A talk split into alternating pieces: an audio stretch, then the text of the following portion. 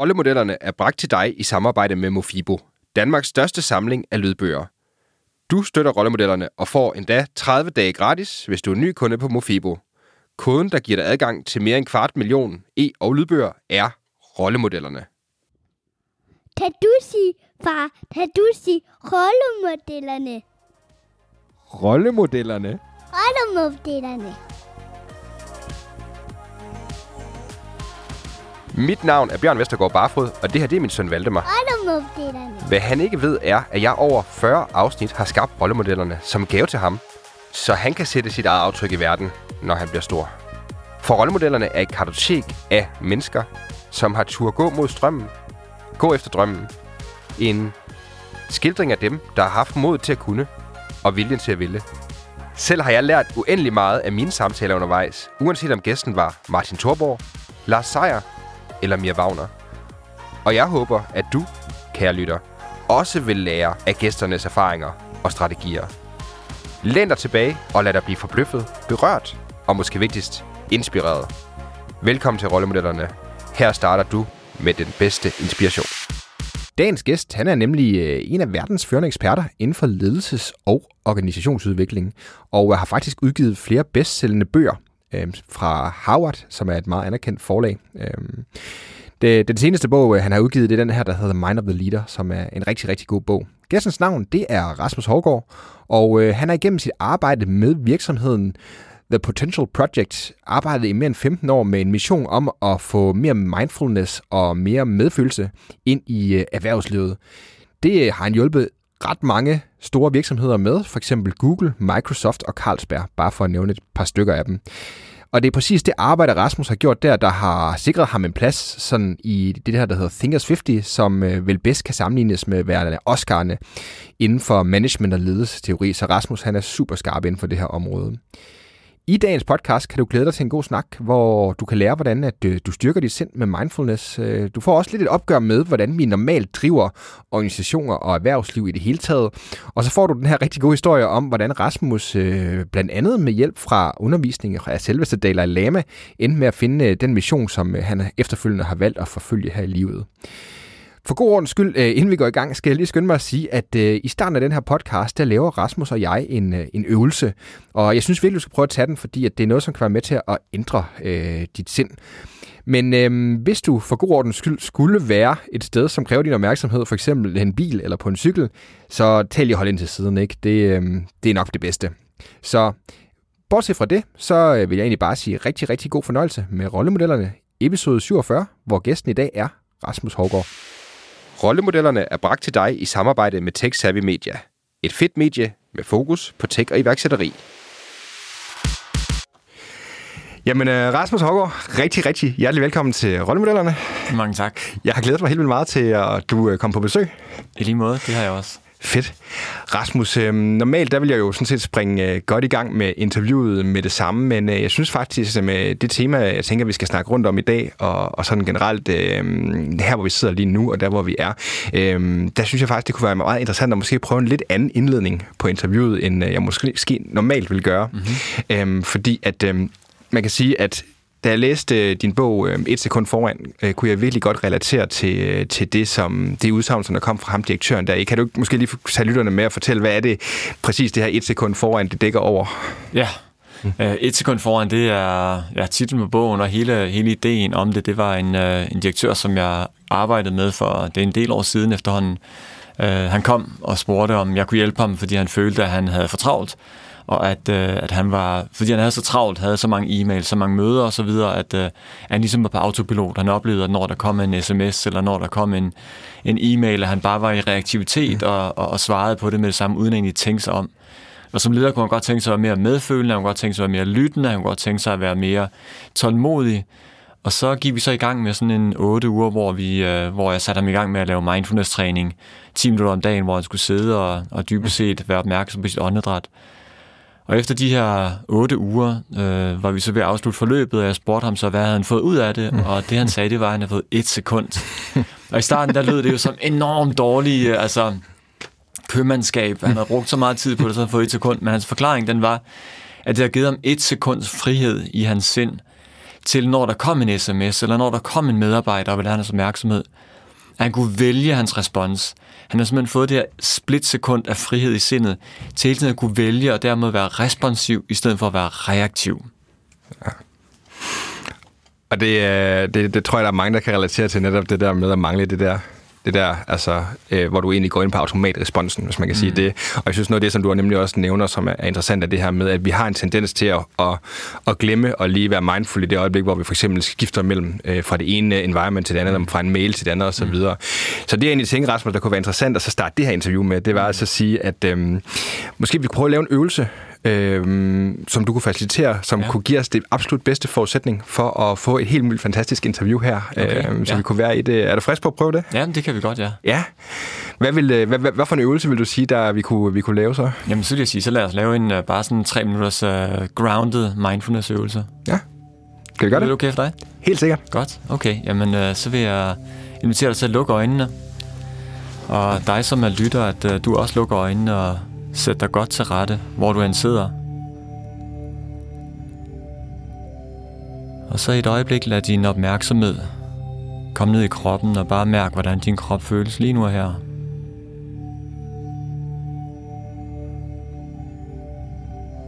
Og bare læg mærke til alle de følelser, der måtte være, alle det bevægelse, temperatur, hvad der er en oplevelse i din krop, bare vær opmærksom på det.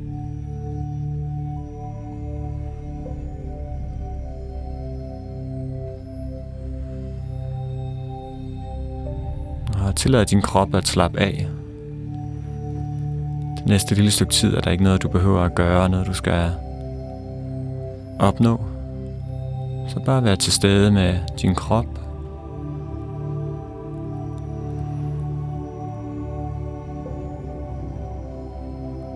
Og for at skabe lidt større opmærksomhed og lidt større tilstedeværelse, så vil jeg bede dig ret din opmærksomhed mod dit åndedræt i et minut. Bare vær opmærksom på det inflow og outflow, der er af luft, når du trækker vejret ind og ånder ud.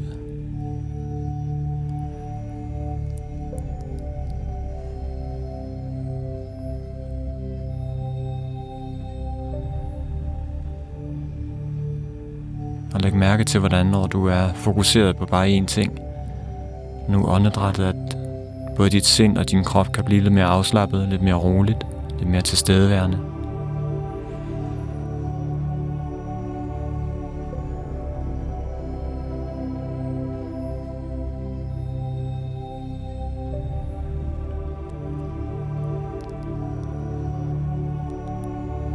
Og med det kan vi give slip på åndedrættet og åbne øjnene igen, og så gå i gang med samtalen. Tak. Så kom, øh, så kom vi godt i gang med det. Fantastisk. Så øh, der er en første gang for alting, øh, og øh, det er egentlig sjovt, den oplevelse der, øh, at være der, altså fordi at normalt, jeg, jeg mediterer også øh, en gang imellem, øh, ikke regelmæssigt, men, øh, men kan godt mærke, at fordi at vi sidder her på en optagelse, at det, det føles meget anderledes, og mm. kroppen er i en mere rolig tilstand, mm. end den normalt vil være. Ja. Øhm, det er, men det er en interessant, en interessant øvelse at prøve at lave. Ja. Øhm. ja. Jeg vil anbefale dig at gøre det før alle dine interviews, fordi at det giver både dig og den, du nu interviewer, en, en større tilstedeværelse, en større ro, og at man får øh, lagt noget af sådan nervesystemet til, uh, til på, på et godt sted, sådan, så man kan være mere, mere opmærksom, mere rolig og dermed mere kreativ og, og mere fokuseret på at få et godt interview. Ja, Ja, det er sjovt, øh, at du siger det, fordi det, det, man, ved, man ved det jo godt, men at gøre det et eller andet sted, det, det er lidt andet sted også. Altså, jeg kan huske, en af de bedste interviews, jeg har lavet, er med iværksætteren Jakob Jynk, kan jeg huske. Mm. Og en af grundene til, tror jeg, det blev så godt ud, og jeg synes, han var en super rar fyr, det var egentlig også, at jeg havde sådan en rigtig, øh, en rigtig dejlig oplevelse, hvor jeg cyklede igennem øh, København en sommerdag, ja. du ved, og alting var bare, du ved, det var næsten som taget af en Paul øh, Rickard-film, mm. ikke? Mm. Øhm, og jeg tror også det der med, du, hvor du egentlig var koblet fra, øhm, når jeg reflekterede det over bagefter, så tror jeg faktisk, det havde en ret større indvirkning på det øh, et eller andet sted. Ikke? Så, så der er i hvert fald noget i det her med, hvad sindstilstand du går ind til et interview med, øh, kommer også til at definere, hvor godt det bliver. Ja.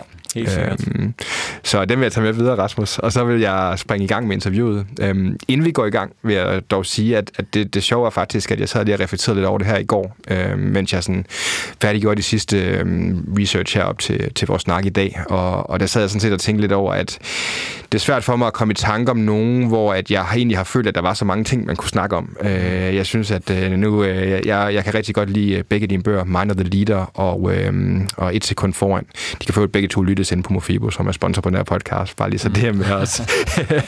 men øh, men øh, det er nogle fantastiske bøger, øh, synes jeg, og meget praktisk orienteret, og det er, det er nogle, som jeg vil genbesøge igen øh, adskillige gange, det kan jeg sige med det samme, fordi jeg synes virkelig, de er gode. Så, men samtidig giver det også lidt en udfordring i forhold til, at vi har en time, og jeg har det som om, vi kunne snakke betydeligt længere end en time. Så øh, en stor ros til dig for det, og for de bøger. Mm, øh, de er mega gode. Øhm, når det så er sagt, Rasmus, så tænker jeg, at det kunne være interessant at prøve at så springe i gang med det sådan lidt mere måske foundational spørgsmål, som man kan sige, det eller det første, sådan, og sådan lidt for at tage mig og lytterne med sådan på basen af. Jeg, jeg læste, at du øh, kom op med hele ideen på den her rejse, du har været på i, i hvad er det, været, snart 20 år med mindfulness og så videre.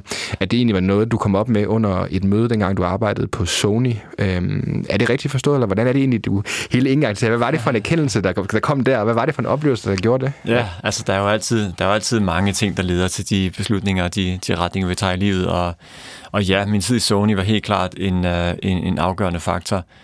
Men det gik også længere tilbage. Det gik, uh, der, er, der er faktisk tre touchpoints, og det sidste er det, det er Sony, hvor ligesom beslutningen blev truffet. Um, de to andre er nok endnu mere vigtige. Den første, det var, da jeg var 18 år, og oplevede hele den her vestlige model med at få en uddannelse, få et job, få et hus, få en bil. Altså, det gav ikke mening. Jeg spekulerede meget over, hvad, hvad er det at være menneske, og hvad, hvad er det livet, det egentlig handler om, som man jo gør i den alder. Og, mm. og jeg synes ikke, jeg kunne finde de svar, som jeg kiggede efter, og tænkte, så må jeg finde andre steder. Og endte med at tage til Nepal og Indien, og boede der et stykke tid, og mødte nogle, øh, nogle buddhistiske lærere, som, øh, som gav mig en helt anden forståelse af, af virkeligheden, en helt anden forståelse af mig selv, og en helt anden forståelse af andre mennesker, og det var enormt dyrebart for mig, og lære lærte mig også at meditere dengang. Og, øh, og det havde jeg så med mig i mange år. Det var det første touchpoint. Det var ligesom at tage, komme ud af den danske kontekst, komme ud af den vestlige kontekst og opleve en helt anden måde at leve på og at tænke på, buddhismen.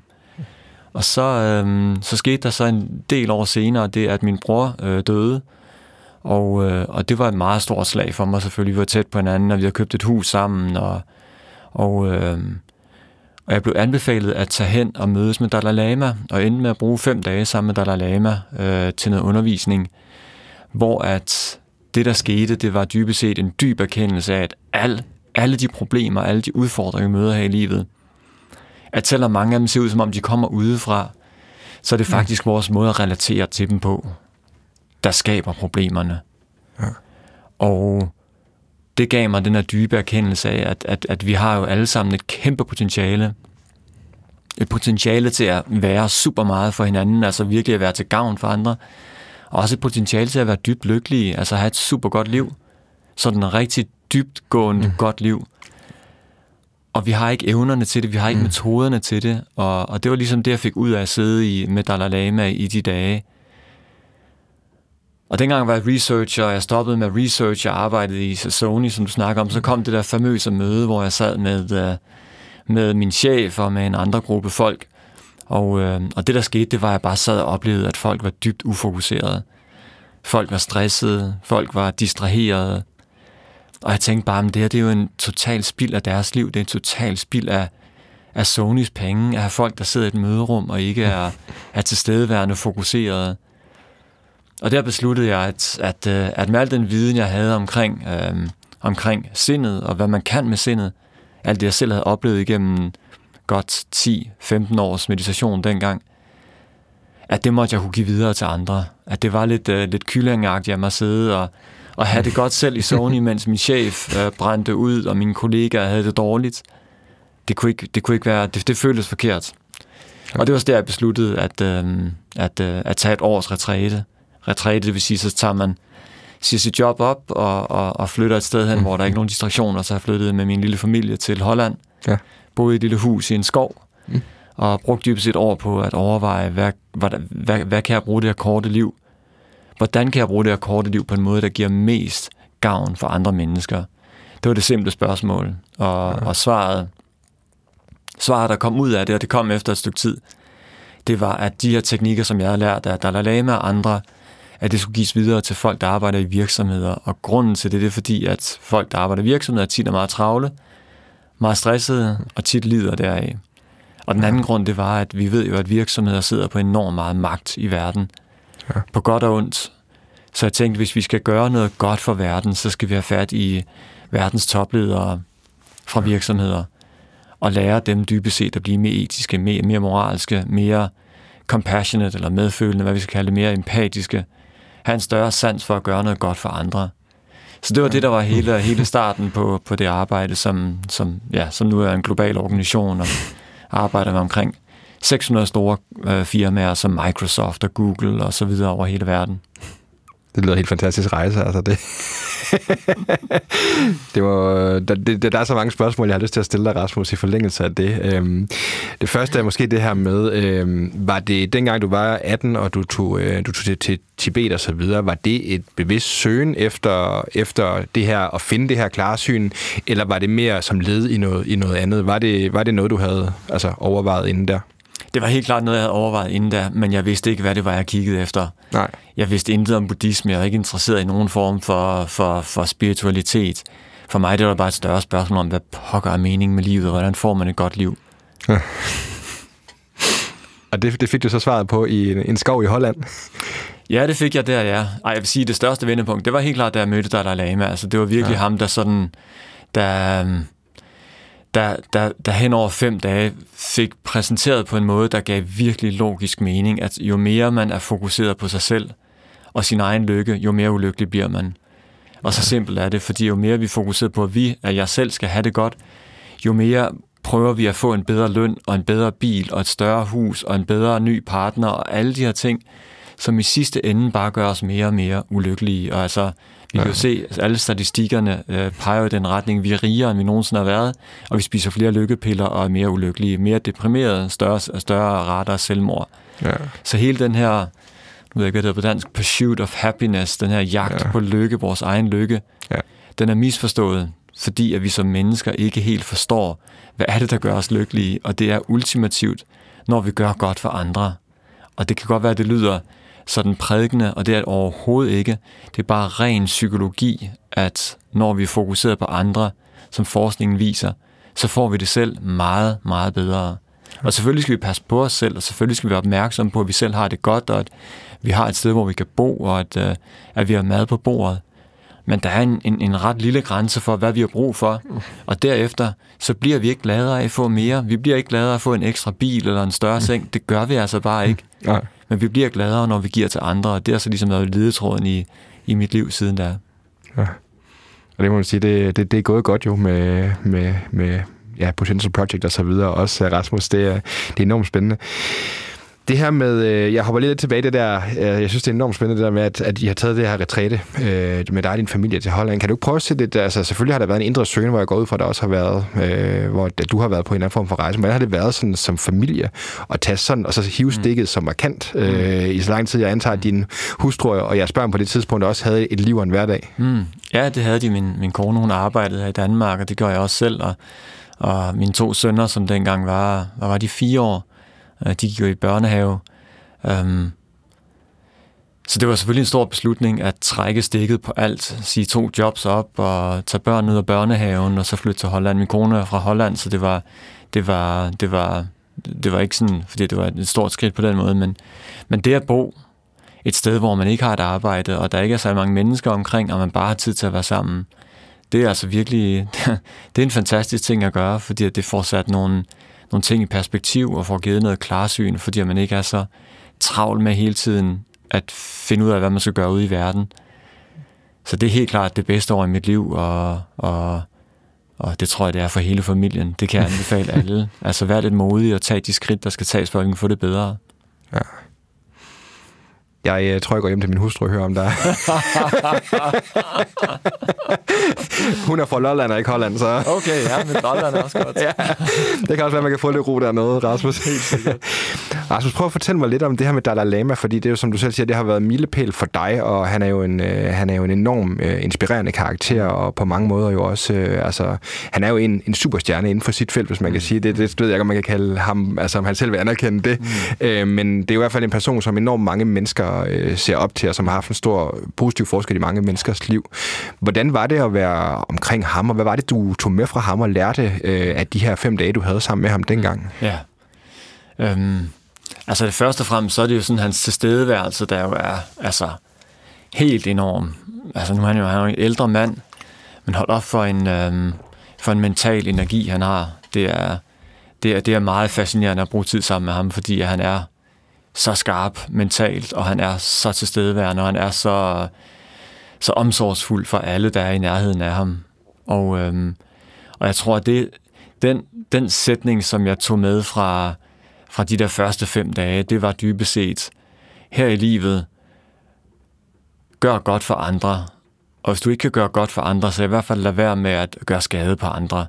Altså det er sådan hans helt grundlæggende læresætning i livet. Gør godt for andre. Og hvis ikke du kan det, så lad være med at skade andre. Og det lyder jo så banalt og simpelt, men prøv en gang at overveje, hvis du havde det som en mantra hele dagen. Når du møder en anden person, hvad kan du gøre for at give dem en bedre dag? Og hvis du er i et rigtig dårligt humør, eller hvis de er rigtig lede ved dig, hvad kan du gøre for at i det mindste ikke at gøre deres, deres dag og deres liv værre, end det der er i forvejen? Ja. Og det synes jeg er et super simpelt og super praktisk øhm, mantra her, her i livet. Så det er nok det er sådan den helt overordnede, som, øh, som, som han gav mig med. Ja, og det, det er lige præcis det her med, med venligheden, det er, jo, det, er jo, det er jo i hvert fald noget, som man ser ofte, at, at folk kan have en tendens til at glemme øh, i et hektisk og travlt liv, hvis man kan sige det, Rasmus. Ja, ja. Mindfulness kommer vi ikke udenom. Øh, det er, det er noget af det, som øh, du har snakket rigtig meget om, og dine bøger selvfølgelig også handler om osv. Øhm, prøv at fortælle mig lidt om, hvad kan man sige, det er jo med den her organisatoriske vinkel, eller hvad kan man sige, øhm, hvordan kan vi hjælpe vores lyttere? Øh, hvilke råd og hvilke konkrete ting kan vi hjælpe vores, eller kan vi sige, der kan hjælpe vores lyttere med at praktisere mindfulness mere mm. øh, som en del af måske et hektisk hverdag, som mm. øh, jeg kunne forestille mig, mange af dem har? Mm. Ja. Jeg tror, det første spørgsmål, det er ikke hvordan, men det er hvorfor. Altså, hvorfor, når du sidder og lytter til det her, hvorfor skulle du være interesseret i mindfulness? Fordi hvis ikke man har den motivation, jamen, hvorfor skulle man så gøre det? Mm. Og øhm, og, og der skal vi jo alle sammen kigge på, hvad er det, der ikke fungerer i vores liv? Hvad er det, vi gerne vil have, der er anderledes? Og så se, om mindfulness kan hjælpe til det. Og min erfaring det er, at det kan hjælpe til det meste. Tilbage med historien om ham direktøren, der jo oplevede, at han blev mere responsiv og mindre reaktiv. Og det, som han jo oplevede, det var, at så fik han dermed evnen til at vælge hans handlinger og hans ord og hans tanker øjeblik efter øjeblik efter øjeblik, at være mere opmærksom og vælge hvad han skulle gøre. Så han kunne vælge at være mere omsorgsfuld, han kunne vælge at være mere empatisk, han kunne vælge at være mere tålmodig. Så hvis der er noget i vores liv, vi synes, der ikke er helt optimalt, så er mindfulness ikke svaret på det, men det er det svar, der giver motoren, der kan skabe den forandring, som vi har brug for. Fordi vi bliver responsive, vi kan vælge, hvordan vi lever fra øjeblik til øjeblik. Så, så, så det er det store hvorfor i mindfulness. Hvis man så tænker, at der er nogle ting, man godt kunne tænke os ændre sig, og man vil gerne i gang med at praktisere mindfulness, så er der jo nogle, nogle, nogle simple ting, man kan gøre. Den første det er, at man kan downloade en app. Og der findes jo rigtig mange gode apper i verden. Apper hedder det? Apps? Apps, ja. Apps. Dag English. Øh, der findes rigtig mange øh, apps, øh, altså Headspace og Calm, og der findes garanteret også en masse på dansk. Vi har også selv lavet en. Um, så det vil jeg anbefale som sådan en starting, starting point. Men det som, det, som der viser sig med de fleste apps, det er, at folk bruger dem i en uge eller to, og så kommer man væk fra det igen, fordi man ikke har en, hvad man siger, en lidt dybere, transformerende oplevelse. Så det, som der skal til, det er at tage på retræte. Og man behøver ikke tage på retræte i et år, ligesom jeg gjorde, men at tage på et weekendretræte, eller en uges retræte, eller 10 dage, hvor der er en underviser, der dybest set guider en rigtig masse mindfulness-træning hen over øh, en, en, en række dage man skal være virkelig øhm, tykhovedet for at gå derfra med et nyt perspektiv på livet. Så det er det, jeg vil mm. anbefale alle dem, der er interesseret i det, det er at tage på retræte. Ja. Ja, for ting omkring mindfulness er vel dybest set, det er ikke et quick fix. Det er i langt højere grad et meget, meget, meget slow fix, som øh, der, skal, der skal understøttes og reinforce. Jeg går ud fra, selvom man har været på en rejse, der har været så langt, som du har, at det stadig er noget, du er nødt til at, at, at vedligeholde gennem, øh, gennem nogle praksiser osv. Rasmus, hvad gør du selv for at blive ved med at holde dig skarpere, måske endda blive skarpere øh, på, øh, på mind, altså være mere mindful øh, og være i nuet? Ja, ja. Øh, Jeg gør en del, øhm, og det gør jeg, fordi forskningen viser, at jo ældre vi bliver, jo mindre skarp bliver vores sind dybest set. Så simpelt er det bare, at vi får simpelthen færre grå celler op i hjernen. Det er det, der vores præfrontale cortex, den, den, den, den shrinker, den, øh, den skrumper dybest set. Det vil jeg helst undgå, og det, det, det viser forskningen. Det kan undgås, hvis man praktiserer mindfulness. Og, øhm, og det jeg selv gør, det er, at jeg som minimum øh, mediterer i 20 minutter hver morgen, altså mindfulness meditation. Øh, nogle gange 40 minutter, nogle gange en time. Det afhænger lidt af, hvor travlt jeg har. Hvis jeg har meget travlt, så gør jeg det altid mere. Hvis jeg har mindre travlt, som i weekenderne, Ja. så kan jeg godt bare gøre det 20 minutter, det er fint. Øh, og så sørger jeg for selv at tage, øhm, hvad skal jeg sige, og så om aftenen, inden jeg går i seng, øh, sidder jeg også altid en 5, 10, 15, 20 minutter, og så tager jeg tit lige en, en, en enkelt lille session på et par minutter, hister her i løbet af dagen. Så jeg gør det en del gange i løbet af dagen. Jeg gør det, når jeg sidder i en taxa, jeg gør det, når jeg sidder i en flyver, jeg gør det, når jeg sidder i en bus, jeg gør det, når jeg sådan venter og ikke har andet at lave, så i stedet for at så kigge på min telefon, så, øh, så sætter jeg bare og, og, og vender opmærksomhed indad. Det er sådan den daglige praksis. Den, øh, det, der er lidt vigtigere for mig, det er at tage på retræte. Og selvom jeg har praktiseret mindfulness-træning i 30 år nu, så er, så er det stadigvæk helt afgørende for mig at tage på retræte.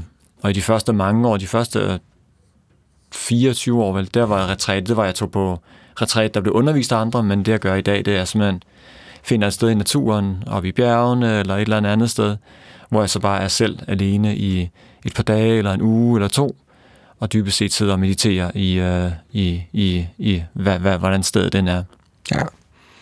Og øh, når du gør det, er det så øh, er det, øh, er det nogle guidede meditationer, du laver? Er det at sidde i komplet stillhed, eller kan du prøve at fortælle lidt, hvordan det foregår?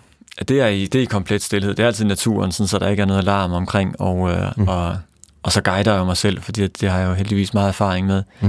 Så det vil sige, at jeg sætter et program for, hvad jeg laver i løbet af dagen, og det meste af det er at sidde i stillhed, eller gå ture i stillhed. Og øh, ja, det er det. det, er det. Det er sjovt, at intuitivt kan man godt forestille sig, hvor fantastisk det er, men alligevel noget, der ligger så fjern fra den måde, som moderne mennesker lever på mm. et eller andet sted. Ja. Øhm, Kan du prøve at tage vores lyttere lidt med på, øh, hvordan det, altså, man kan sige, hvordan det, det, det er, hvordan det foregår, hvordan du har det bagefter, måske ja. også i lige så høj grad? Ja, ja. jo, det er... Altså, der er måske nogen, der tænker, nej, det lyder jo helt fantastisk, og så sidder man bare der i, i ren send, og øh, sindet bliver helt stille, og det gør det bare overhovedet ikke. Mm. Øh, når man tager sådan et par dage ud, de første par dage, de er altid enormt fantastiske, fordi man kommer fra en meget travl hverdag. Og derefter så kommer altid dag tre eller fire, som er helvede, altså mildesal, fordi at man er vant til hele tiden at gøre ting. Og vi er alle sammen totalt afhængige af at gøre ting hele tiden, fordi vi får en masse dopamin af det. Så sidder vi der i to dage, og vi har det rart, og så den tredje dag laver vi stadig ikke noget. Og så begynder hjernen at blive rigtig vred, fordi den vil have dopamin, Ja. den vil have action, den vil have, at vi gør noget, og vi gør ikke noget. Ja. Og det kan være svært. Um, så for de fleste, der er der en oplevelse af op- og nedture i løbet af, i løbet af sådan en uges tid, hvor der er øjeblikke, hvor man føler sig lykkeligere, end man har været i årvis.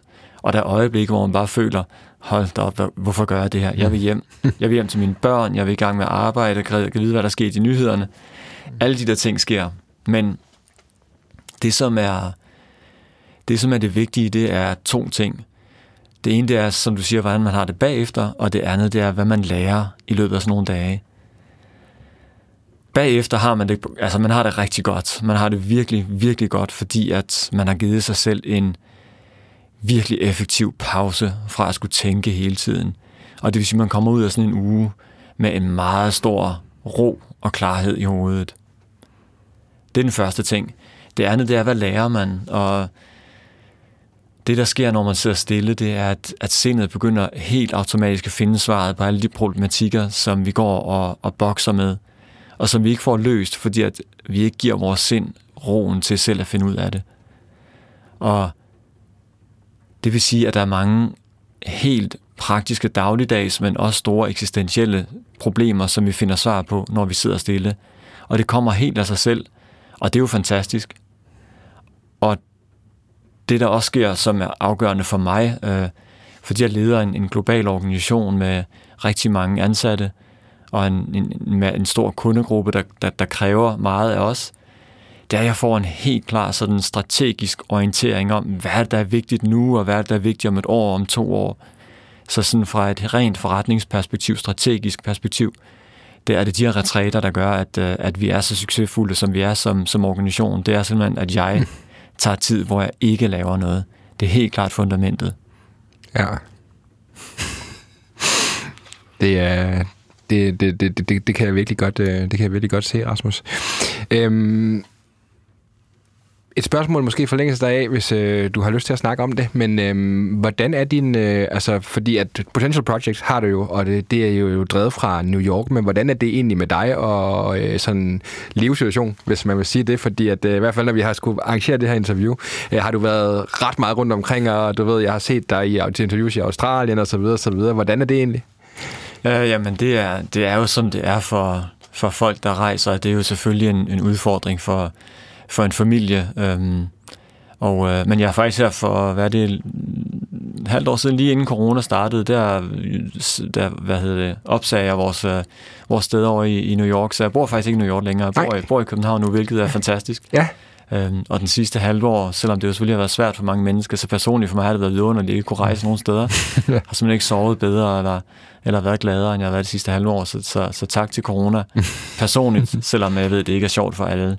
Øhm, men selvfølgelig er det en udfordring at have en global virksomhed, hvor der er meget rejse, og jeg savner mine børn, og, og, og omvendt, og, og det er jo det er, jo, det er jo den pris, som jeg har valgt at betale, fordi at, fordi at øhm, fordi jeg har en mission om at kunne gøre så meget i det her liv som muligt. Når det så er sagt, så arbejder jeg hjemmefra, det vil sige, at så snart er arbejdsdagen er forbi, så er jeg sammen med mine børn.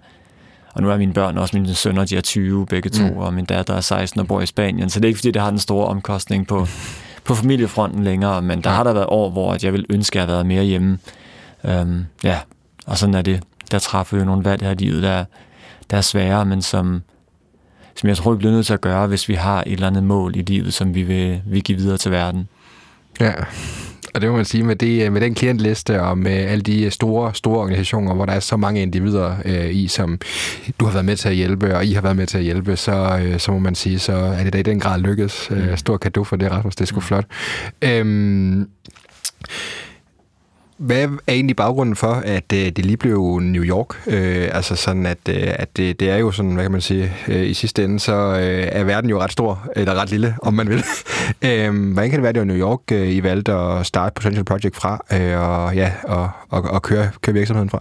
Faktisk det startede det, det startede oprindeligt i Danmark faktisk. New York kom faktisk først senere hen. Ja, ja, okay. Øhm, så det startede i Danmark, og så til Sverige og Tyskland og Holland, og så blev det Singapore, så blev det Australien, og så kom øh, USA faktisk først derefter. Okay. Vi følte, vi skulle være klar til USA, fordi det er et kæmpe, kæmpe stort marked med en, med en på mange måder anden kultur.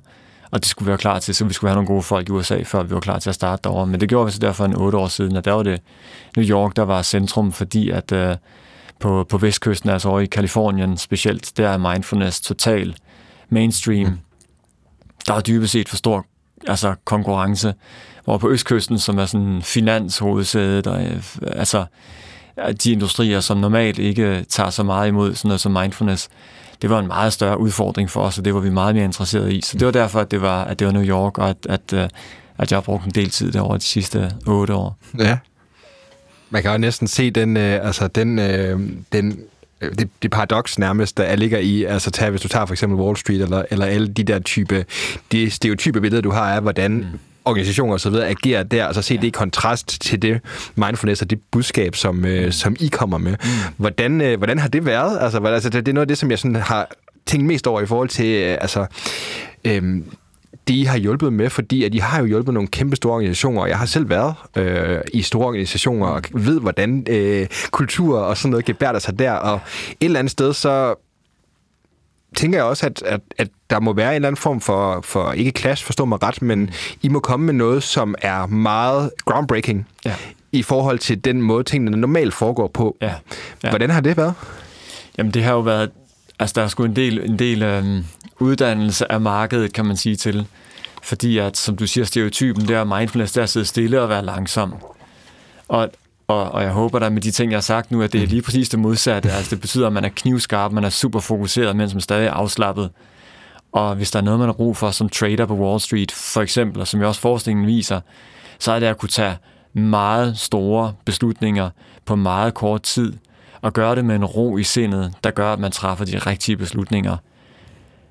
Det, som forskningen viser, det er folk, der praktiserer mindfulness, altså at traders, der står på Wall Street, øhm, de faktisk tager bedre beslutninger, end dem, der ikke praktiserer mindfulness, fordi man simpelthen har et skarpere sind. Så uddannelsen af markedet, det er jo at, at, at, at hjælpe vores kunder med at se, at det her, det er ikke bare at være langsom, men det er at være hurtig.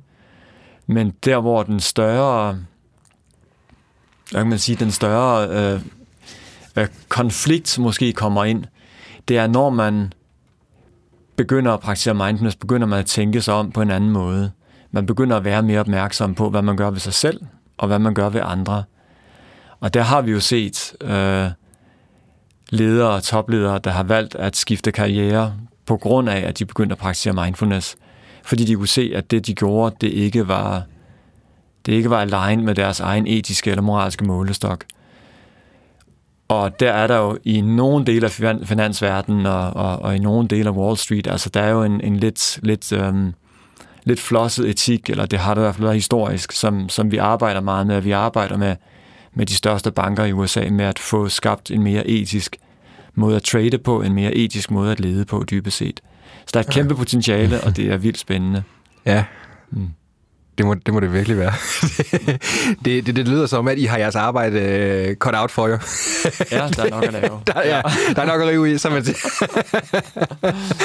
Rasmus, øhm, nu snakker du selv om lederskab, og det er jo svært at komme udenom øh, i forhold til dit virke, mm. i forhold til Mind of the Leader, mm. som jo går meget på lederskab, hvor at, øh, igen, jeg har rosbogen før, men vil gerne rose den igen, jeg synes, den er super god. Øh, kan vi prøve at snakke lidt om det, og prøve at snakke lidt om, øh, hvor, at, øh, hvor at, øh, du præsenterer de her tre øh, søjler, hvis vi kan kalde det det, eller de her tre øh, de tre vigtigste principper i forhold til det her, øh, og, og, og lige præcis at kunne blive en god leder ja. og så videre. Ja. Inden vi gør det, kunne det måske bare være ret interessant at høre der, for jeg synes, der er en pointe, jeg synes er mega fed, og som jeg godt kan lide egentlig, øh, godt kunne tænke at få dig til at uddybe det her med, øh, at være leder øh, i forhold til at kunne lede sig selv. Ja. Øhm, kan du prøve at snakke lidt om det der med at lede andre, og så lede sig selv? Jo, jo, jo. Øhm,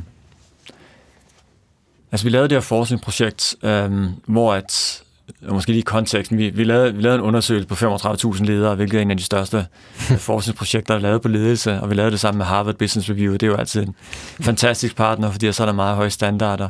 Øhm, men den første ting, vi fandt, det er lige præcis selvledelse. Det er helt afgørende. Meget ledelse, øh, ledelsesuddannelse handler om, hvordan man leder en organisation, og det er fint. Men hvis ikke man forstår, hvordan man leder sig selv, så kan man ikke lede andre, så kan man ikke lede en organisation. Så det er ligesom helt centralt i ledelse.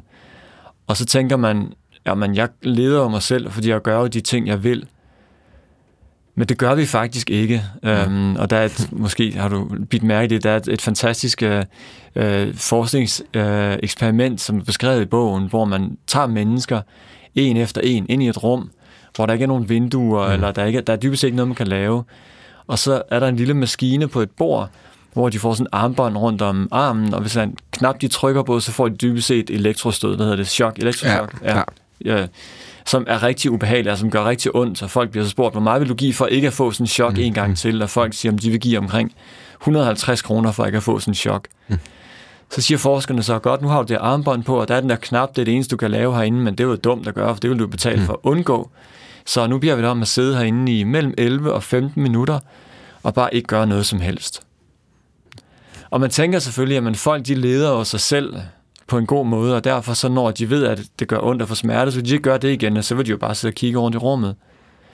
Men det, der viser sig, det er, at øh, 87 procent af mænd trykker på knappen igen, når de sidder der alene.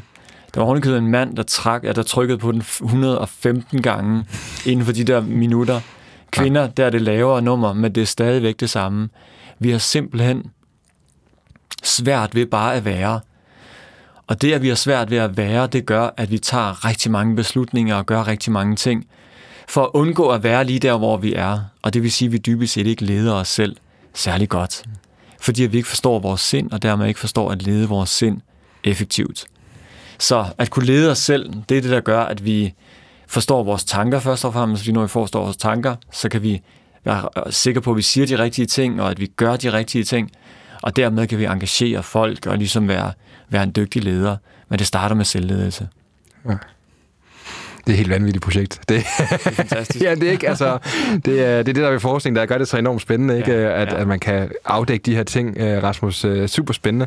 Prøv at fortælle lidt om, øh, om MSC, hvor man kan mm. sige, at vi har emnet, jo, som er for mindfulness. Det har vi måske ja. dækket ret godt, men de to andre er selvfølgelig uh, enormt interessante at, at, at, at, at give til lytterne her også. Ja, ja så, det er så det er så resultatet af hele det her forskningsprojekt, vi lavede. Det var, at de tre vigtigste ting for ledere, det er først og fremmest at mindful, at være selfless, nu ved jeg ikke, hvad det hedder på dansk. Jo, jamen det... Øh, det er ikke selvløs, vel? Nej, nej, det gør det ikke. Nej. Det hedder... Ja. Selfless, nå, jeg kan lige definere det lige om lidt. Og så at være compassionate, som, heller ikke, som, som på dansk nu om dagen bliver oversat med compassion, som er det nye, et ja. nyt, nyt ord ind i, ind i ordbogen. Ja. Øhm, så det vi dybest fandt, det var, at de tre ting, de er helt afgørende i en moderne virksomhed eller i en moderne ledelse, fordi at ledelse handler om at kunne engagere andre og motivere andre mere end det handler om at være dygtig til Excel-ark og strategi, så er det helt afgørende, at vi forstår, hvad er det, der, hvad er det, der driver andre folks lyst til at gøre et godt stykke arbejde. Og der er mindfulness, selflessness og compassion helt, helt afgørende. Så mindfulness har vi snakket om. Selflessness, det er evnen til at ikke lade vores ego komme i vej for de beslutninger og de måder, vi tænker på. Så det vil sige at lede for det med, ja, hvad hedder det på dansk, the greater good, altså lede for ja. det store perspektiv, ja. og lede for the long term, altså på langsigtet, og ikke at være fokuseret på, hvad får jeg ud af det. Selvfølgelig skal man sørge for, at man får en god løn, og at, altså, at, at, at alle de ting er i orden, men derefter så skal man holde op med at tænke på sig selv, fordi hvis man gør det, så bliver alle ens handlinger på den ene eller den anden måde biased, altså ledt i den forkerte retning. Og vi kan se de fleste af de erhvervsskandaler, der har været i både i Danmark, men også, også, også ude i verden, jamen det kommer jo af, at der er ledere, der har tænkt på sig selv, i stedet for at tænke på virksomheden og på samfundet. Ja. Så selflessness, det er helt afgørende, og det er rigtig, rigtig svært, fordi vores, vores hjerne er simpelthen wired til, altså den er programmeret til altid at tænke på os selv. Så det er faktisk noget, der kræver opmærksomhed, ikke at tænke på os selv og tænke på vores egne behov hele tiden. Ja. I forhold til i hvert fald den del af det, der har jeg, der, der er i hvert fald en af de ting, så det er egentlig faktisk noget, jeg har reflekteret en del over i forhold til alle de her forskellige interviews, jeg, jeg efterhånden har haft her i Rollemodellernes Historie, Rasmus, så det er faktisk noget, der sådan, så slog mig lidt, fordi jeg har faktisk snakket en del om ego med en del mennesker, og en, en god del af de mennesker, jeg har haft, eller de fleste, jeg, hvor jeg har haft snakken her i podcasten, har vi egentlig har været ret enige om, at, at ego er en skidt ting. Mm. Øhm, Samtidig så for eksempel har jeg interviewet Martin Thorborg, øh, iværksætteren, og han har jo været ude så meget at sige det der med, jamen han havde også et kæmpe drive, og forstå mig ret, mm. ego, men han havde et drive, som blev skabt af, at han så noget, andre havde, mm. som han selv ville have. Helt mm. specifikt var det faktisk fordi, at han var i, øh, at han havde en svejsisk mor, mm-hmm. øh, og de var altid i Schweiz om øh, vinteren, og der kunne de se, at de kørte rundt i nogle kæmpe store biler. Mm. Og du ved, typisk klassisk, ikke? Ja. Men, men det er nemlig fordi, det er det, her, det, er, det jeg tænker på, og det spørgsmål, der kommer i forlængelse af det, er det her med, fordi at det er rigtigt, at ego, som du selv mm. riser op her, så ego får folk til at træffe nogle ikke nødvendigvis øh, mm. særlig gode beslutninger. Øh, det, det er der masser af eksempler på. Samtidig så er ego jo også et drive, og en driver for nogen til at, du ved, gå efter, en, gå efter nogle målsætninger, forsøge at komme et eller andet sted hen. Man kan sige, at du har haft en passion med, med, med din virksomhed med at hjælpe verden, øhm, hvor at et eller andet sted, øhm, så ego er slemt, men på den anden side er det også ego, der et eller andet sted giver en noget rygstød. Mm. Øhm, hvad er dine tanker egentlig omkring det? Fordi det var sådan det, jeg, sådan, jeg, jeg tænkte lidt over efter at have læst. Ja. Øh, ja. ja. Giver det ja. mening? Ja, det giver super god mening. Der er ingen tvivl om, at ego kan give et enormt drive, og vi skal jo ikke kigge langt ud i verden efter store politikere nu om dage, mm. altså som jo har et stort ego, og har nået de positioner, de har, fordi de har et stort ego, der har drevet dem til det. Så det er der ingen tvivl om. Ego kan virkelig skabe resultater. Spørgsmålet er, hvad er det for nogle resultater? Og en lille refleksion, man kan jo kigge på folk, som man tænker, der har et stort ego.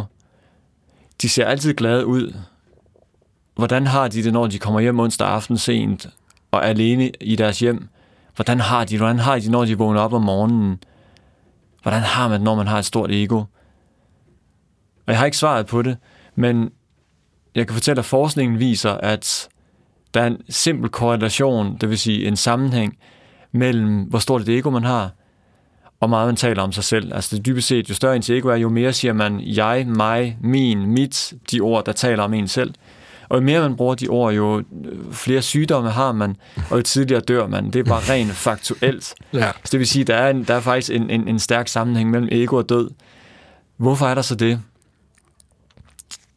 Definitionen af ego, eller egoets funktion, og jeg siger ikke, at ego er dårligt, fordi vi har brug for et ego til ligesom at kunne stå op for os selv osv., så, så det, det, det er fint nok. Men det, som er egoets grundlæggende funktion, det er self-preservation, selv op, ja. hvad det er, Ja, ved, hvad det er på dansk. ja. jeg ved godt. Det, det kommer lige om to sekunder. Okay, self-preservation, det vil sige, at Selvbeskyttelse, at kan man sige. Selvbeskyttelse, at holde os selv i live, det er det, det egoet har til, har til mål. Og der er tre ting, som egoet øh, kigger efter, og, og undskyld alle de her engelske ord, jeg er slet ikke vant til at snakke om det her på dansk. Vi tager den lige på engelsk først. Fame, fortune and influence. Ja. Så berømthed, penge og magt.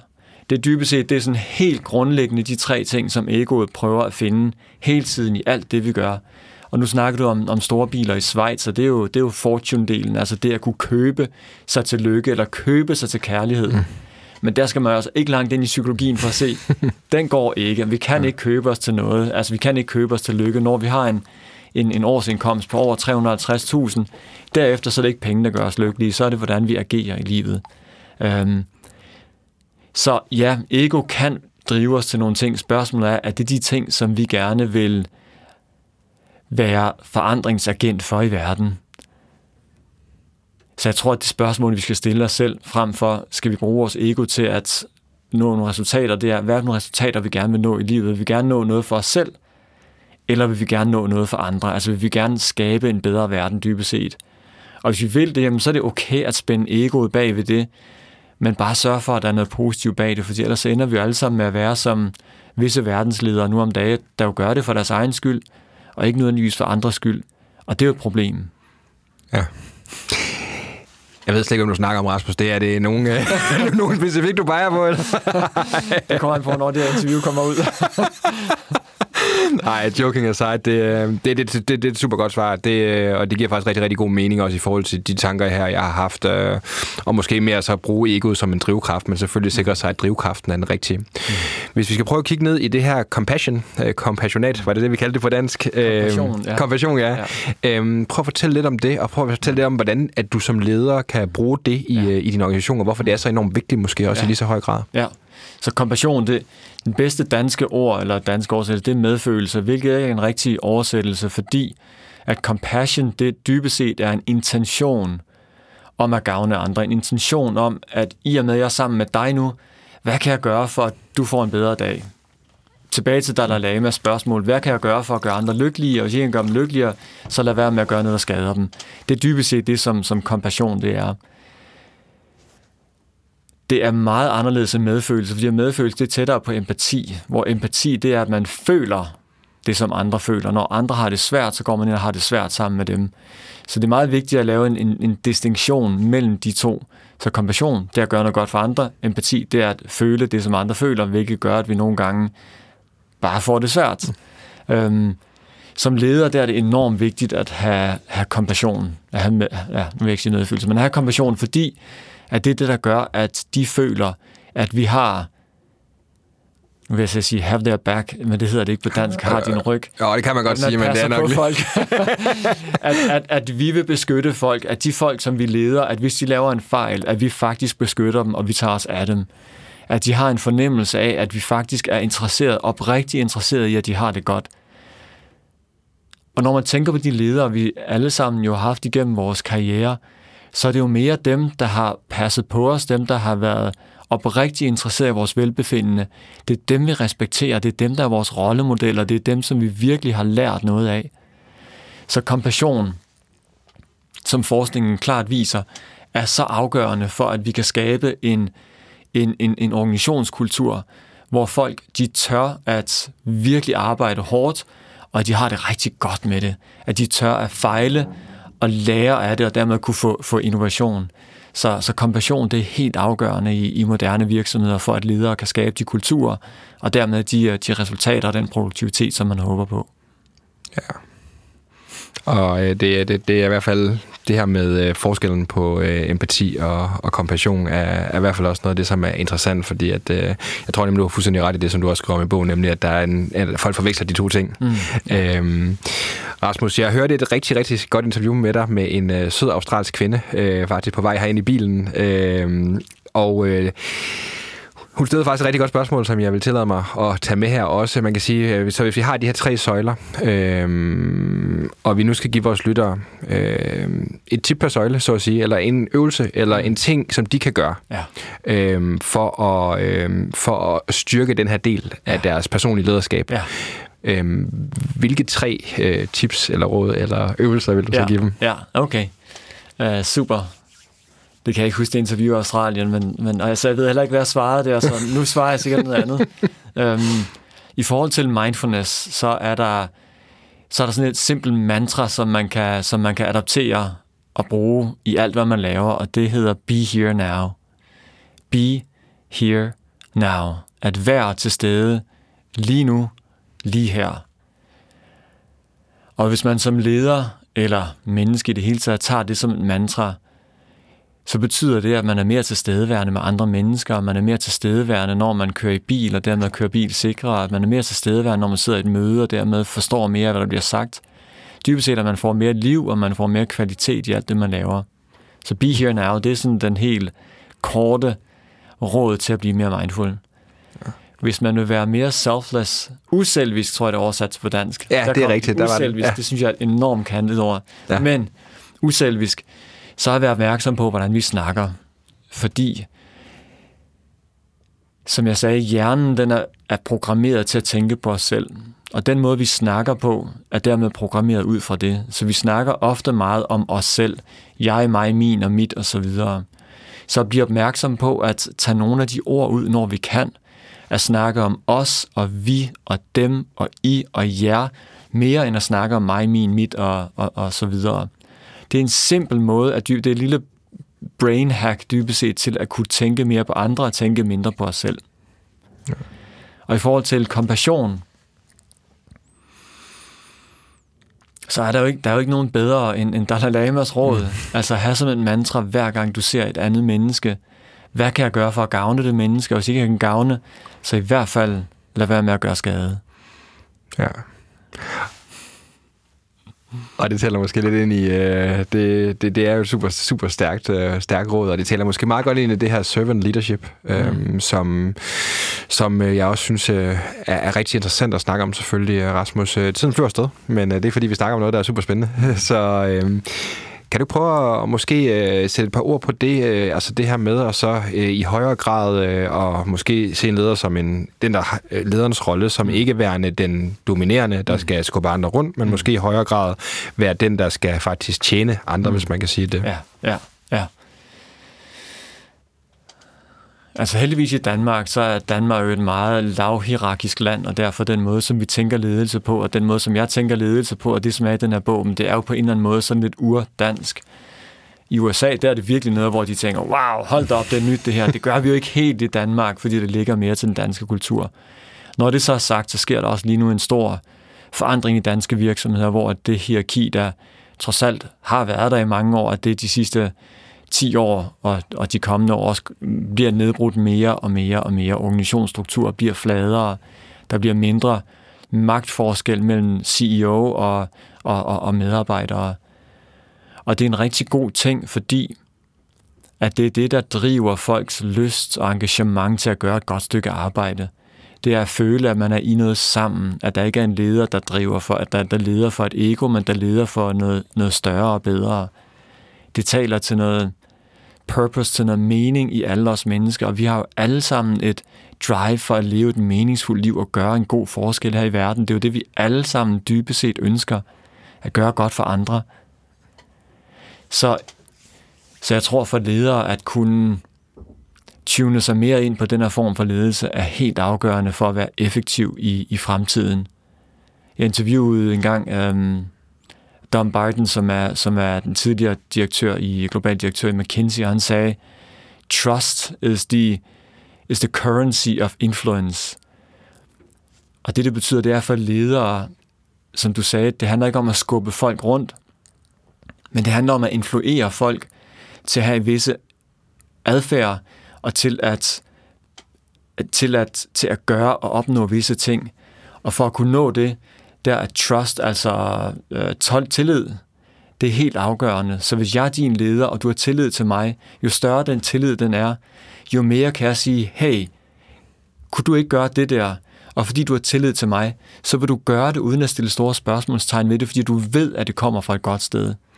Så dybest set, det er, altså det, det er fremtidens ledelse, det er at rive alle hierarkier og idéer om magt ned, og i stedet for at lede ud fra, ud fra tillid og værdier og, og, og, og, en, og en følelse af mening. Ja. Det er, ja, jeg, holder, jeg holder en lille pause for, at folk lige får den med. Ikke? Nogle gange er det meget godt at understrege en, øh, en vigtig pointe. Rasmus, øh, jeg havde et spørgsmål, som jeg ikke rigtig lige kunne se sådan nogenlunde, hvor det er sådan lige, jeg synes ikke lige, der er et sted her, hvor jeg sådan har faldet naturligt at snakke om, men øhm, noget, som jeg faktisk synes er, er enormt interessant, også selvfølgelig fordi vi sidder her i, øh, i slutningen af 2020, hvor at, øh, vi har haft et, et vanvittigt år, man kan sige, at corona har bragt dig hjem til, til Danmark, og, og at, gud skal takke lov for det, kan man sige, men, øhm, men det har ændret meget, og der er meget, der, der er, det er jo en verden, der er i forandring lige nu på mange måder. Mm. Øhm, vi ved ikke, hvad der kommer til at ske på bagkanten af, af alt det her overstået, men øh, en af de ting, som man i hvert fald har kunne se, der har som erhvervslivet har været nødt til at indstille sig på, at det her med remote working mm. og mm. generelt øh, sætte sig selv foran et, øh, et stykke elektronik mere, end du måske mm. sidder, ligesom vi, du og jeg gør her, mm. øh, face to face. Det, det er der selvfølgelig nogle fordele ved, men der er selvfølgelig bestemt også nogle ulemper. Der kan jeg sådan set kun tale af, af egen erfaring, hvor man kan sige, at, at det er i hvert fald også noget af det, du nævner øh, i dine bøger, det her med, at elektronik netop er øh, en fjende, mm. eller kan være en fjende, mm. øh, for at du er til stede i nuet, og for det at være mindful der. Øh, hvis vi nu antager, at øh, digitale møder og øh, Zoom-meetings osv. osv. kommer til at blive the new normal, når det kommer til øh, i hvert fald en vis grad måden, vi kommer til at arbejde på. Mm.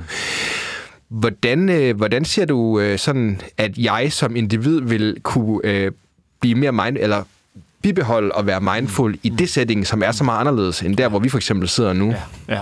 Giver det spørgsmål mening? Ja, det giver god spørgsmål. Ja, det giver godt. Det giver rigtig god mening. Og det er et super godt spørgsmål, som vi alle sammen skal stille os selv nu. Fordi det er, det er the new normal. Det kommer ikke til at ændre sig væsentligt. Og af alle mulige grunde. Den første, det er selvfølgelig pandemien, og den har jo bare sat gang i forståelsen af, jamen, vi arbejder lige så effektivt, når vi arbejder hjemmefra eller fra sommerhuset, som vi gør, hvis vi tager ind på kontoret. Måske mere effektivt, er der en del forskning, der viser. Så hvorfor skal virksomheder have store kontorer, der er dyre at have, og hvorfor skal vi have alt den ekstra plads i det hele taget, der koster CO2 og så videre? Så jeg tror, det er den nye norm, og jeg tror, det er kommet for at blive. Og så er spørgsmålet så tidligt, hvad kan man så gøre for at have det godt med at arbejde på den måde? Og der er et par ting, der er rigtig, rigtig vigtige i den første. Det er selvfølgelig, at, at hvis vi gerne vil have Altså, vi vil gerne være mere mindfulde, så, så, så skal vi lære at styre vores teknologi, så den ikke styrer os. Og det vil sige, når vi sidder i de her møder, som vi jo gør, mange af os fra tidlig morgen til sen eftermiddag, at vi faktisk er til stede i de møder, og at vi ikke uh, uh, give in to the temptation, at vi ikke... Um, lad os friste. Lad os friste til lige at tjekke e-mails eller, eller sociale medier eller nyheder, mens vi sidder i møderne. For det er jo nemt, og det gør bare, at vi bliver enormt distraheret, og det gør, at mødet tager længere tid, fordi hvis alle gør det, så tager alting bare længere tid. Mm. Så det kræver en disciplin faktisk at være til stede med det, vi gør, også når det er online. Det er den første ting. Den anden ting, det er, det der jo smelter bort, og det som er så dejligt at sidde her i studiet, altså som to personer, det er, at vi kan mærke, og man kan lugte, mm. og man kan føle hinanden, og man kan se kropssproget og så videre. Og det kan man jo ikke, når man sidder på Zoom. Og dermed ryger en del af den tillid, som man ellers opbygger, når man er sammen i, i, i, i person, in person, jeg ved ikke, ja. det men... Um, face to face. face. Når man er face to face, ja, lige præcis. Så det vil sige, der er noget, noget, noget, noget tillid, der, der smuldrer lidt, og der skal vi som ledere være meget opmærksomme på i møder, at skabe mere plads til det uformelle, til det, det som ikke er agendaen, sådan så folk har mulighed for at sige de personlige ting, der sker for dem også. Som vi normalt siger, når vi er ude at hente kaffe, før vi går ind til mødet, eller som vi siger, når vi mødes ved vandautomaten, for de steder mødes vi ikke længere, og derfor alle de der små byggesten af tillid og, og, og connection, de, de, de, de, de, de forsvinder fra os. Så det er rigtig vigtigt for os at være opmærksom på. Ja. Og det der, det, der, det, det, det, det spørgsmål, sådan, øh, som jeg synes måske ikke så meget kommer i forlængelse af det, men som jeg også synes er rigtig interessant, Rasmus, det er det her med, øhm, fordi en stor del af de, øh, af de gæster, jeg tidligere har haft med her i rollemodellerne, øh, har jo været iværksættere. Vi har en masse lyttere, der er iværksættere osv. Man kan sige, du har arbejdet rigtig meget med corporate virksomheder, hvor der er en eksisterende kultur, som mm. du prøver at gå ind og, og hjælpe med at ændre, hvis man kan sige det. Mange iværksættere er jo i den situation, at de først er i gang med at skabe en kultur. Du ved, der er de i gang med at bygge det der øh, fly, mens det flyver. Ja. Hvis man skal tage de her principper, øh, som, øh, som du praktiserer, og som, øh, som du har hjulpet en masse corporate, og prøver at på en eller anden måde bage ind i en tidlig, i en tidlig opstartsfase af sin ja. virksomhed. Ja. Hvad, vil, øh, hvad vil dit råd så være til alle dem, der sidder i den situation? ja, Jamen, der er jo ikke et råd. Eller det store råd, det er jo det, du dybest set allerede giver nu. Det er, jo tidligere man begynder at forme en kultur, jo stærkere bliver den, jo længere man kommer hen. Og jo nemmere bliver ting. Så vær opmærksom på, hvad er det for en kultur, du skaber helt fra starten. Og som iværksætter, der skal man jo aldrig undervurdere, effekten af, hvordan man selv, altså som den øverste leder, opfører sig. Det er helt, helt, helt, helt afgørende på godt og ondt. Alt, hvad du gør, har en meget stærk impact i organisationen. Så virkelig, virkelig vær opmærksom på, hvordan du selv øh, gebærder dig som leder. Øhm, og så til, hvad er det for en kultur, man vil skabe? Og altså, det, er jo, det er jo nu, i de tidlige år, at man virkelig kan skabe den kultur, man ønsker. Og hvis vores forskning er, er rigtig, hvilket jeg tror på, at den er, fordi den er så, så, så, så omfattende, jamen så er det de her kvaliteter, der skal ind i jeres kultur, og det vil sige, folk skal være tilstedeværende med hinanden, altså mindfulde folk skal være enige om, at vi gør det her sammen for en, en større hele, og ikke bare for os selv, og folk skal have en oprigtig interesse i, at alle har det godt, altså kompassion. Så det er de, ting, de tre ting, man skal sørge for at få ind tidligt, og man kan selvfølgelig læse bogen, eller gå ind og se på YouTube. Der er en masse dejlige små clips, der, der fortæller om det. Men det er det, jeg vil anbefale alle. Ja. Det øh, igen, øh, det, det lyder nemt, det er svært at praktisere. Mm. Sådan, øh, sådan er det gerne med, med de ting, der er i Rasmus. Øh. Prøv at høre, tiden den flyver afsted. Øh, vi har vendt en enormt mange interessante emner, og vi kunne blive ved rigtig, rigtig lang tid. Det, det tillader tiden desværre ikke. Jeg plejer gerne at slutte øh, podcasten her af med sådan en øh, 3-4 relativt hurtige øh, spørgsmål. Øh, nu ved jeg ikke, om jeg kan få hurtige svar, men øh, vi kan jo prøve. Er du frisk på den? Lad os prøve. Fedt. Øh, Rasmus, det første det er det her med, øh, har du en specifik morgenrutine, eller måde, du starter dagen på? Du har selv nævnt lidt noget med noget meditation, men øh, hvordan ser din morgenrutine ud? Mm, jeg står op kl. 6, så mediterer jeg en 20-60 minutter så løber jeg en tur, så hopper jeg i vandet, specielt om det, det gør jeg hver morgen, men hele året rundt, og så går jeg i gang med at arbejde. Er det, øh, det med at hoppe i vandet, er det, øh, er, hvad man sige, hvordan, øh, er det noget, du startede med her, efter du flyttede til Danmark? Eller ja, sådan? ja, det er det i høj grad. Ja. Det lyder fantastisk. Det er det der med de kolde bade og så videre. Det er, det er godt. Jeg tænker, det har været svært i New York, men... Uh... Ja, der var ikke... Uh, jeg boede godt nok ned til Hudsonfloden, men den er så beskidt. Det var ikke et sted, man hopper i. det, det, det kan man formodentlig kun én gang i hvert fald. det er rigtigt. Fedt. Rasmus, øh, det næste spørgsmål, øh, det er et spørgsmål, der er bragt i samarbejde med Mofibo, som jo er sponsor på den her podcast. Øh, har du en specifik bog, som du har anbefalet meget til andre, eller måske ligefrem givet i gave? Selvfølgelig ikke din egen, men... Hmm. Ja, nu ved jeg så ikke, om Mofibo har den, og derfor så ved jeg ikke, mm. om det er fedt at reklame for dem, men øh, en bog, som jeg vil anbefale, og jeg ved ikke, om den findes på dansk, men den hedder In Love with the World. Ja. En, uh, en, en, en buddhistisk mester, der hedder Mingyur Rinpoche, som er den her unge, fantastiske gud, som, uh, som tager ud på en rejse og beskriver den her rejse. In Love with the World. Mm. Det er en fantastisk bog. Ja. Hvad er det, der gør den så fantastisk?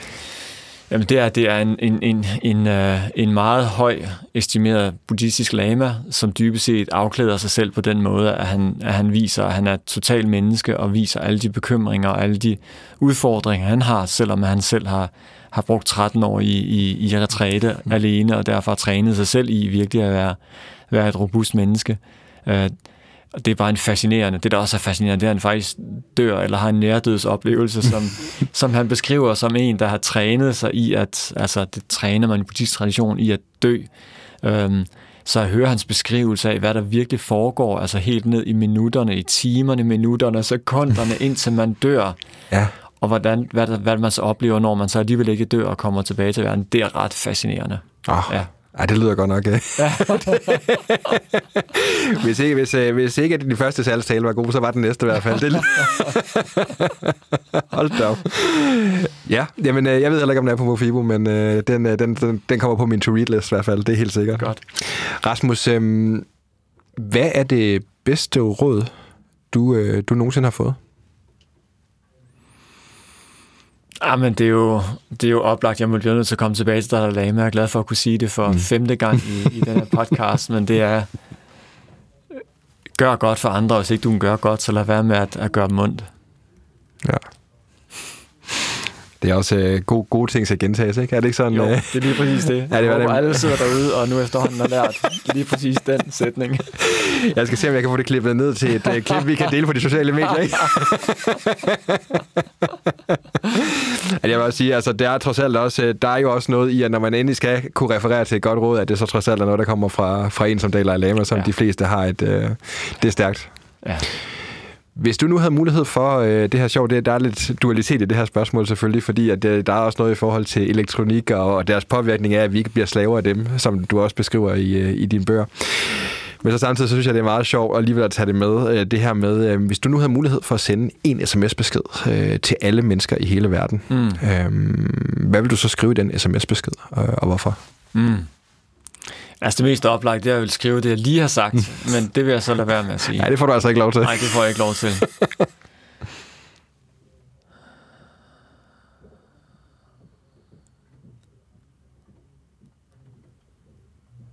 Ja, alt, alt, alt hvad der kommer ind, det, det er sådan i den samme retning, bare med andre ord. Øhm.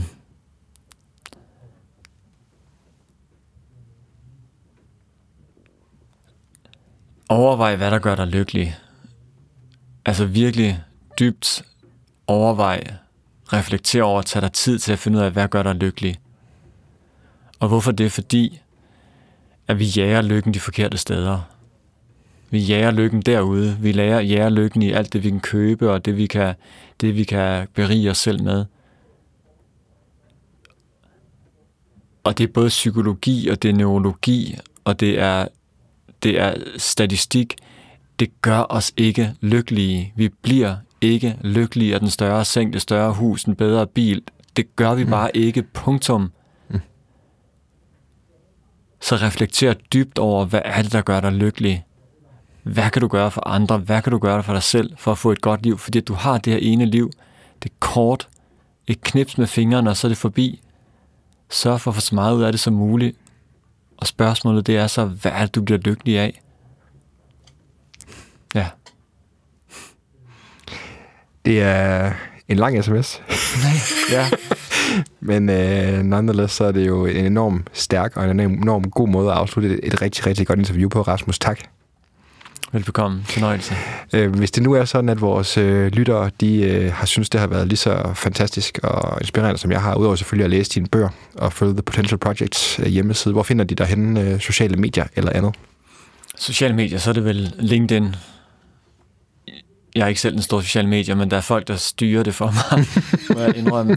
Ja. Øh, men alle mine artikler og så videre, det kommer i hvert fald på LinkedIn og måske på Twitter, men det er jeg ikke sikker på. Måske på Facebook, men det er jeg heller ikke sikker på. Nej, Ja, LinkedIn er det bedste. LinkedIn er det bedste. Ja. Og med det var Rasmus, så vil jeg sige tak for i dag, og tak fordi du kom. Tak for det. Du har lyttet til Rollemodellerne. Podcasten er produceret af mig, Bjørn Vestergaard Barfod. Klip og redigering, Anders Guldberg. Jeg er tilbage med en ny inspirerende gæst næste gang, så du kan starte med den bedste inspiration.